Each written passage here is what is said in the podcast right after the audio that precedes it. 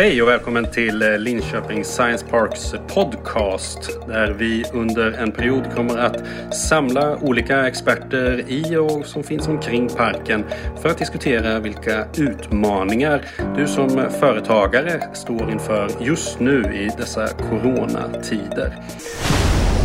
Jag heter Fredrik Larsson och idag har jag med mig Camilla Dahlgren som eh, ska prata med mig om eh, kassaflöden och hur man egentligen ska tänka kring kassaflödesberedskap.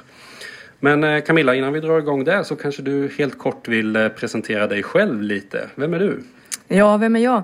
Eh, jag, har, jag bor i Norrköping, är egen företagare och sedan åtta år är det väl egentligen och har drivit Svensk Fastighetsförmedling i Norrköping fram till oktober 2019.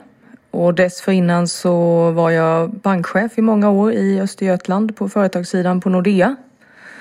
Även varit, varit kreditanalytiker och jobbat mycket med de här frågorna eh, i olika Kassaflöden tappningar. som sagt var.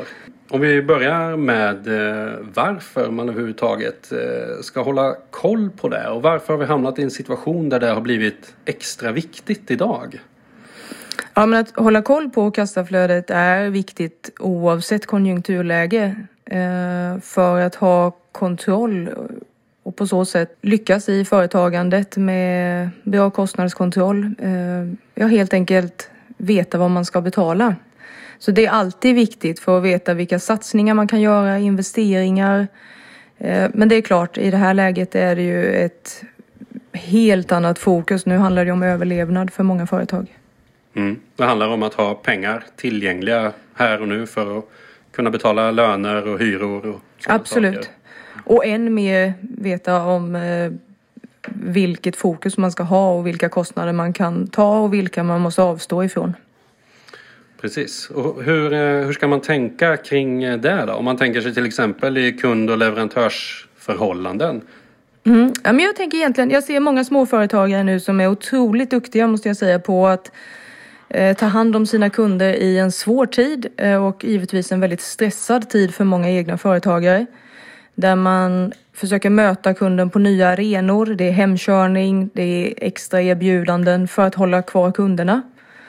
Och här ser jag många lysande exempel på företag som har varit eh, duktiga mot kund även i högkonjunktur fortsätter att vara kreativa. Det är ju en viktig sak att givetvis hålla igång intäkterna så gott det bara går i den här situationen vi befinner oss i. Ehm, och eh, vara väldigt nära sina kunder. Eh, för att eh, först får du en intäkt men sen kommer ju i många fall en kundfordran om man inte får betalt direkt. Och det är frågan, hur ser den kundfordran ut? Hur säker är Hur säker är fordringen? Så att vara supernära sina kunder och samarbeta med dem och försöka hitta olika lösningar för att få betalt är jätteviktigt. Mm. Vad kan man göra mer för att säkerställa, in, både säkerställa intäkterna men också minska kostnaderna såklart? Det är ju två två ändar att jobba i så att säga. Ja, och jag tror att man måste självklart som alltid jobba i båda ändarna. Se till att hålla igång de kunder man kan hålla igång. Det vill säga att eh, komma med nya erbjudanden. Eh, jobba vidare på de lojala kunder man har så man har kvar dem efter krisen också. Det är ju viktigt. Eh, sen är det ju, jag tror inte man kan begära att kunderna bara ska vara lojala utan att man kommer med att man har förståelse för deras verklighet. Eh, för de går ju igenom tuffa tider. Så det, men som sagt, det ser vi många bra exempel på och som jag tycker är imponerande. Mm. Sen vad det gäller kostnadssidan, ja då beror det ju på var är jag i den här svackan? Har jag fullständig panik, jag har inga intäkter, då finns det egentligen bara en sak att göra och det är att kapa så mycket kostnader man kan. Dra ut leverantörslistan, titta på det, vad kan, vad kan jag minska kostnaderna med och då behöver det vara ganska abrupt. För en del företag så kanske man anar att man kommer komma in i den här krisen om ett tag. Eh, den är, eh, man kanske inte är mitt i den just nu. Och då tycker jag det finns mycket mer samarbetsmöjligheter med leverantörer vad eh, kan man köpa lite mindre eller kan man till och med kanske om man är så rustad köpa mer nu av de leverantörer som har det jobbigt och lägga på sig lager? Det finns ju sådana exempel också faktiskt. Mm. Där företagare gör väldigt goda exempel. Så, så egentligen tre scenarier. Kapa allt man kan om det är total härdsmälta. Eh, skruva ner kostnaderna en bit om det krävs. Och eh, nummer tre är naturligtvis om man har möjlighet köpa på sig extra för att stötta de som har det extremt svårt just nu. Mm. Vi ser ju några sådana exempel väldigt tydligt publikt nu med restauranger och hotell till exempel som går ut med väldigt eh, generösa erbjudanden. Det är väl eh, uttryck för just det där. Man behöver intäkter här och nu. Plötsligt så har försäljningen rasat och så agerar man på det på något sätt.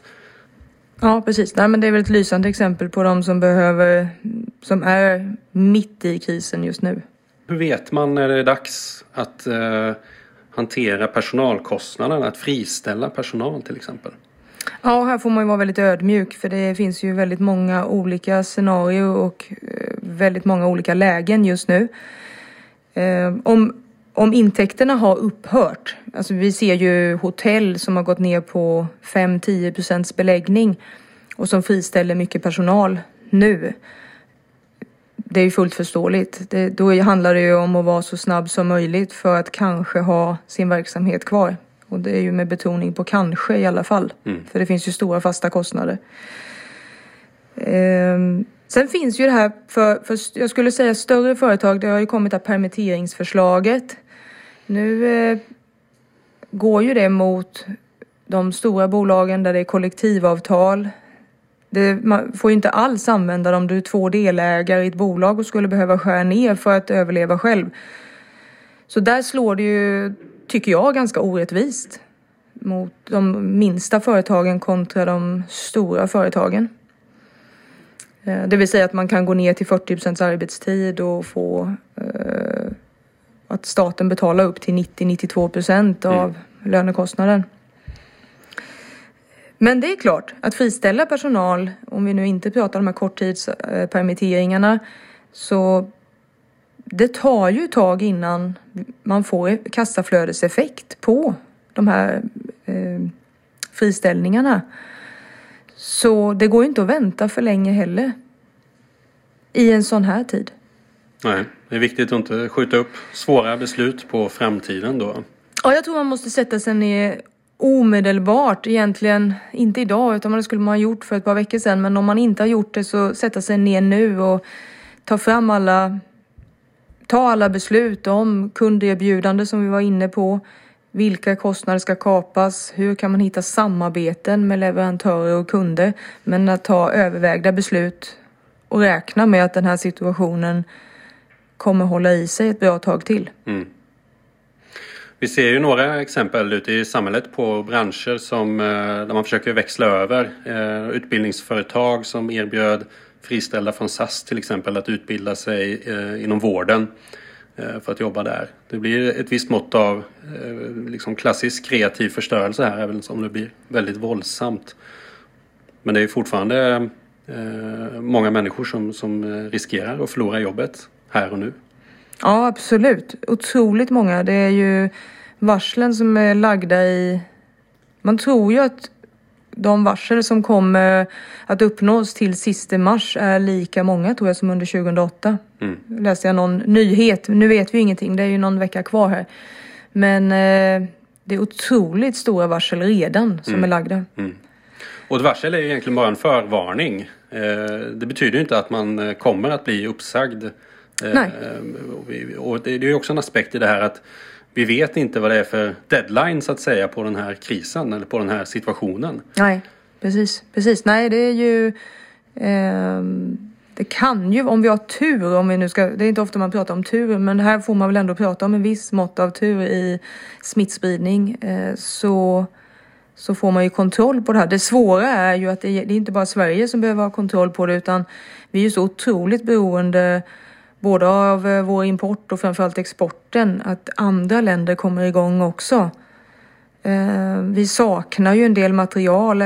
Små som stora företag saknar material från Tyskland, Italien, Kina. Så det är ju svårt att överblicka. Mm. eh, gäller nästan att hela världen kommer på fötter igen. Mm. Hur ska man som företag tänka kring den tidslinjen? Hur skulle du förhålla dig till det? Att man, det går inte att säga eh, vad som kommer att svänga och när någonting kommer att svänga. Går det överhuvudtaget att ha en, en planering för framtiden just i förhållande till sina, sina, sitt kassaflöde till exempel? Ja, här är man ju naturligtvis olika men jag skulle ju förbereda mig på worst case.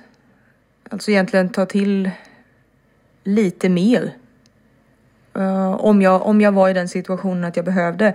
Om jag är i, i en bransch, säg läkemedel verkar ju gå otroligt, otroligt bra. Då, då kan du ju vara väldigt bjussig och generös mm. om man sätter den sidan till istället och kö försöka köpa in så gott det går om inte det redan är slut. Så jag tror att det är det är fortfarande så att det finns branscher som inte känner av det lika mycket som andra. Man är i olika faser men, men får vi stora uppsägningar, det vill säga att varslen blir verklighet, eh, då kommer ju andra branscher att drabbas oerhört hårt. Vi var inne lite på det här med eh, olika stödpaket som har kommit från, eh, från regeringen. Eh, som omfattar allt möjligt från att skjuta upp på skatter och arbetsgivaravgifter. Eh, Riksbanken har tillgängliggjort vad man eh, kallade gratispengar via bankerna eh, men som väl i själva verket är lån. Ehm, hur ska man, eh, vad, innebär det här för, för företagen, de här stödpaketen som vi har framme idag? Ja, jag skulle säga att det är, det är vissa av dem är ganska svåra att eh, förutse vad de innebär. Om vi börjar med eh, statens lån till storbankerna där de har erbjudit sig att med stora medel låna ut pengar till 0 procents ränta. Då får man komma ihåg att eh, storbanker eller banker överhuvudtaget styrs av eh, Basel 3-regler, europeiska regler. Så det är inte bara att låna ut till 0 ränta som det har låtit i debatten. Pengarna ska ju betalas tillbaka och eh, bankerna är ju inte statliga utan är ju privata aktieägare som äger alla banker.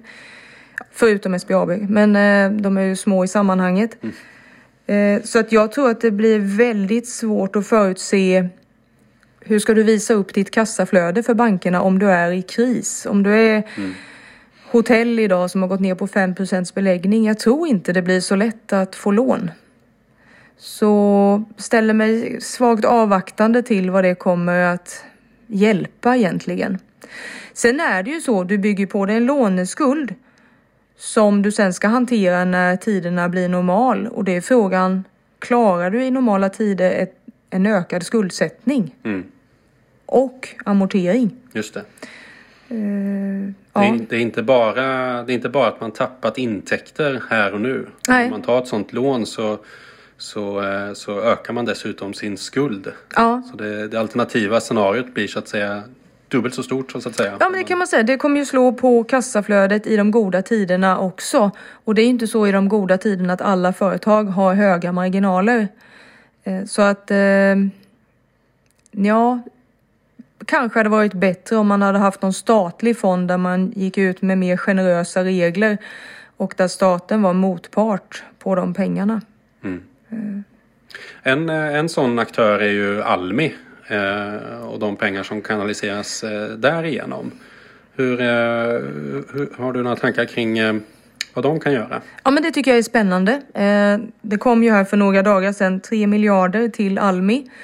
Här har man ju ett mycket, tycker jag, enklare sätt att påverka om man behöver ändra på ägardirektiv till Almi. Ett, ett snabbare sätt. Och vad jag förstår så har ansökningarna ökat kraftigt mm. på Almi. Eh, så jag tycker det, det initiativet är väldigt, väldigt bra. Även om det naturligtvis är lån. Men här har ju staten en möjlighet att göra det till snällare pengar. Att vara mer generös med amorteringstid mm. och så vidare. En annan del i statens stöd är att man skjuter upp eh, skatteinbetalningar och man har till och med möjlighet att få tillbaka skatteinbetalningar man har gjort från eh, under året. Är det, vad ser du för eh, möjligheter och utmaningar med det? Ja, men här är jag ju ganska skeptisk då. Mer skeptisk än pengarna till storbankerna.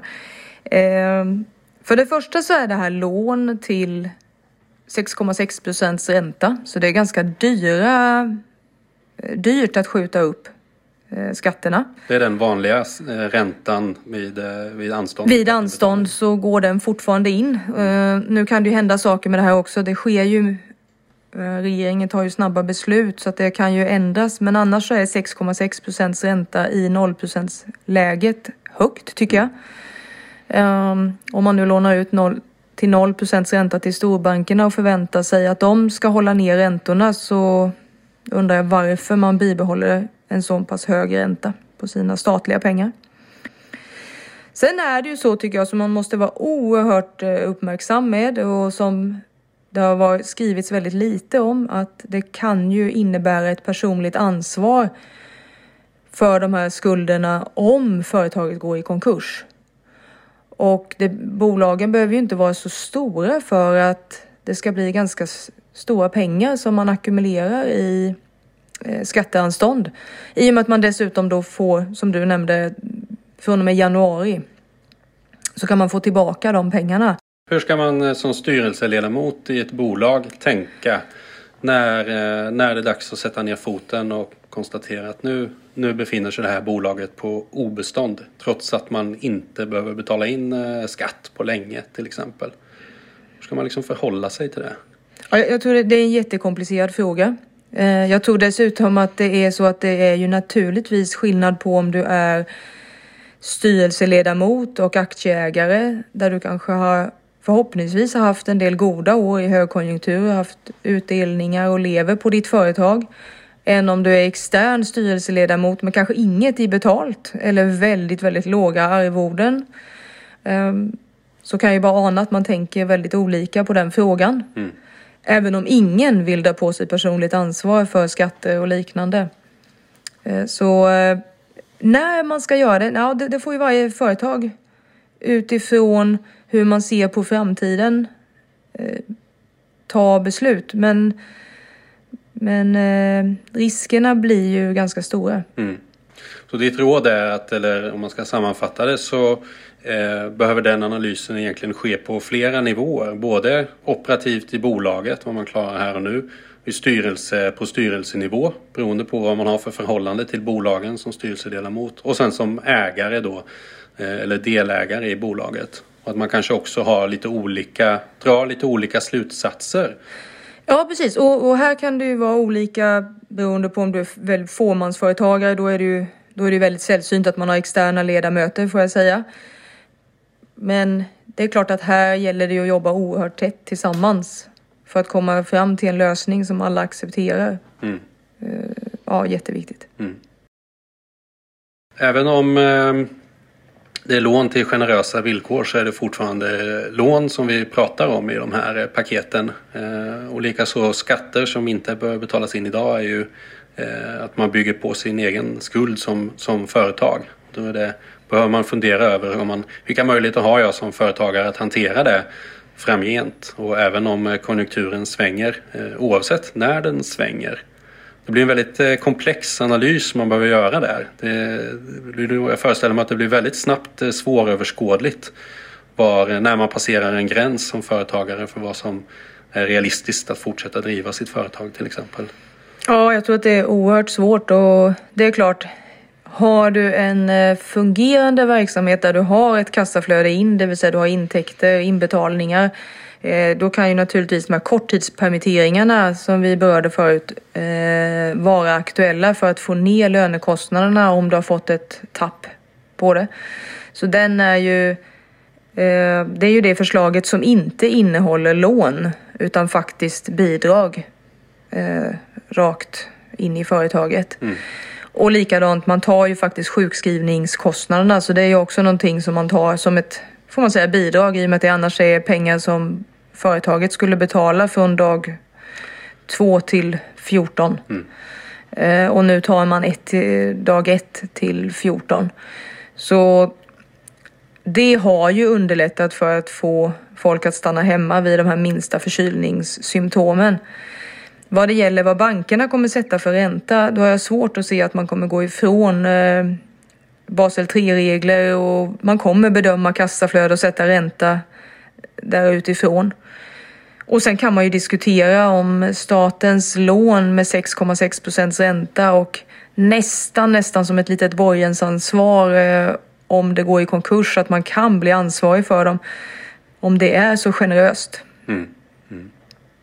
En eh, annan eh, viktig part för många bolag är såklart då ägare i olika typer av ägare eh, som kan skjuta till kapital i en sån här situation men som eh, också kan ha olika typer av förväntningar eller krav eh, utifrån sitt ägarskap. Om man tänker till exempel på, på VC-bolag, hur, ska man, eh, hur kan man tänka kring det? Är, det? är det mer säkra pengar? Nej, men jag tänker egentligen att om man delar upp det så är det ju så att har du fåmansföretag då handlar det om till syvende och sist hur mycket du vill stötta ditt företag, vilken kapacitet du har att stötta och där är det ju jättestora skillnader ut efter hur företaget har gått. Eh, gäller det de som vill ha eh, mer extern finansiering så kan det ju bli problematiskt om man söker nya pengar. Det har man ju redan signalerat från de stora riskkapitalbolag att värderingar är... Hur ska man värdera bolagen just nu? Eh, komplext. Och, men ändå så pass viktigt för det är extremt viktiga bolag där Sveriges innovationer framåt kan ligga i. Och det vore ju oerhört tragiskt om de gick omkull för det är ju inga företag som är lätta att starta upp igen. Nej. Och den typen av väldigt kunskapsintensiva bolag och bolag i våran miljö i Science Parken till exempel där ja. vi pratar om akademinära bolag som bygger mycket på forskning eh, och har eh, ett eller flera patent till exempel som utgör egentligen hela basen för, för företaget. Eh, och där kanske skyddet av patenten till syvende och sist blir en, blir en viktig fråga. Är det, är det VC-pengar som kommer att eh, skydda dem och rädda dem så de inte far iväg ut på någon annanstans? Eller behövs det statliga insatser där tror du? Eller har du några tankar kring det? Ja, och här är det naturligtvis också väldigt stor skillnad på eh, vilka finansiärer man har tagit in. Alltså hur ser de ut? Hur, eh, hur pass eh, solida är de nu?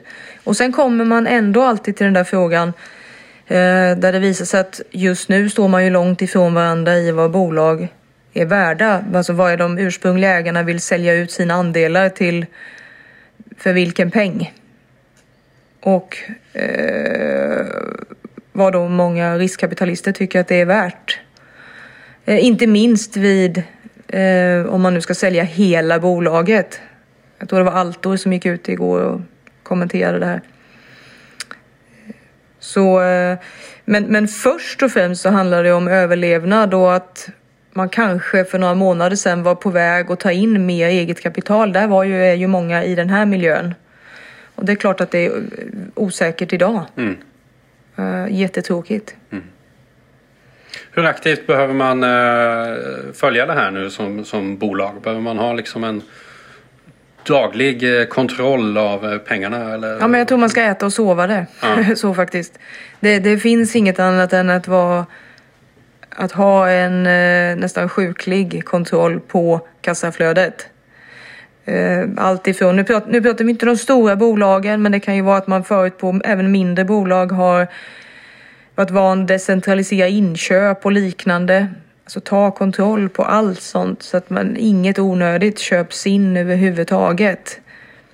Eh, göra, jag vet att det kan vara svårt, men att göra kassaflödesprognoser utifrån titta på föregående år. Vad gjorde ni för betalningar då?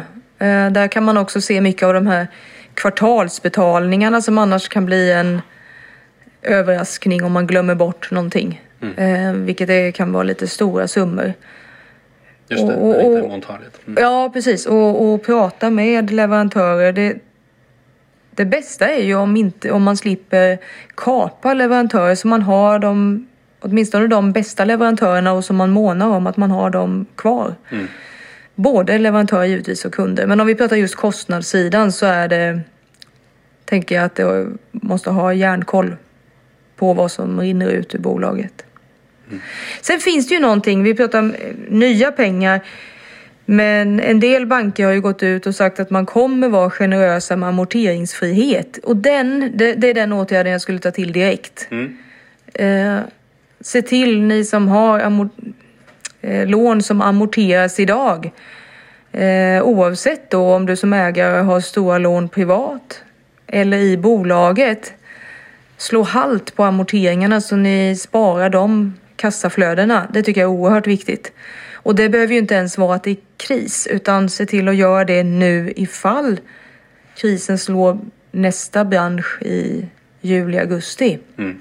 Då har man bunkrat eh, lite enkla pengar där.